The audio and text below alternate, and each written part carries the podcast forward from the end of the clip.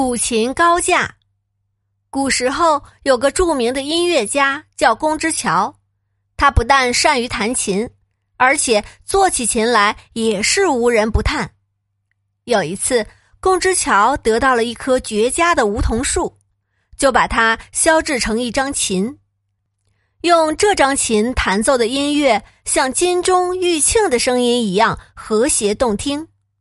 龚之乔自以为这是天下最好最美的琴了，就拿去献给朝廷的乐官太常，让他欣赏并做个鉴定。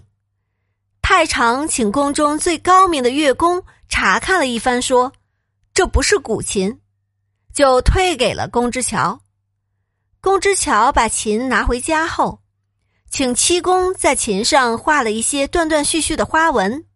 又让雕工在琴上刻了一些难辨的古字，然后用匣子装着，埋进土里。过了一年，他挖出匣子，把琴抱到集市上去卖。一个达官贵人看到这张琴，立刻出一百两金子买了去，献到朝廷上。乐官一个一个争相传看，都说这真是世上绝无仅有的珍宝啊！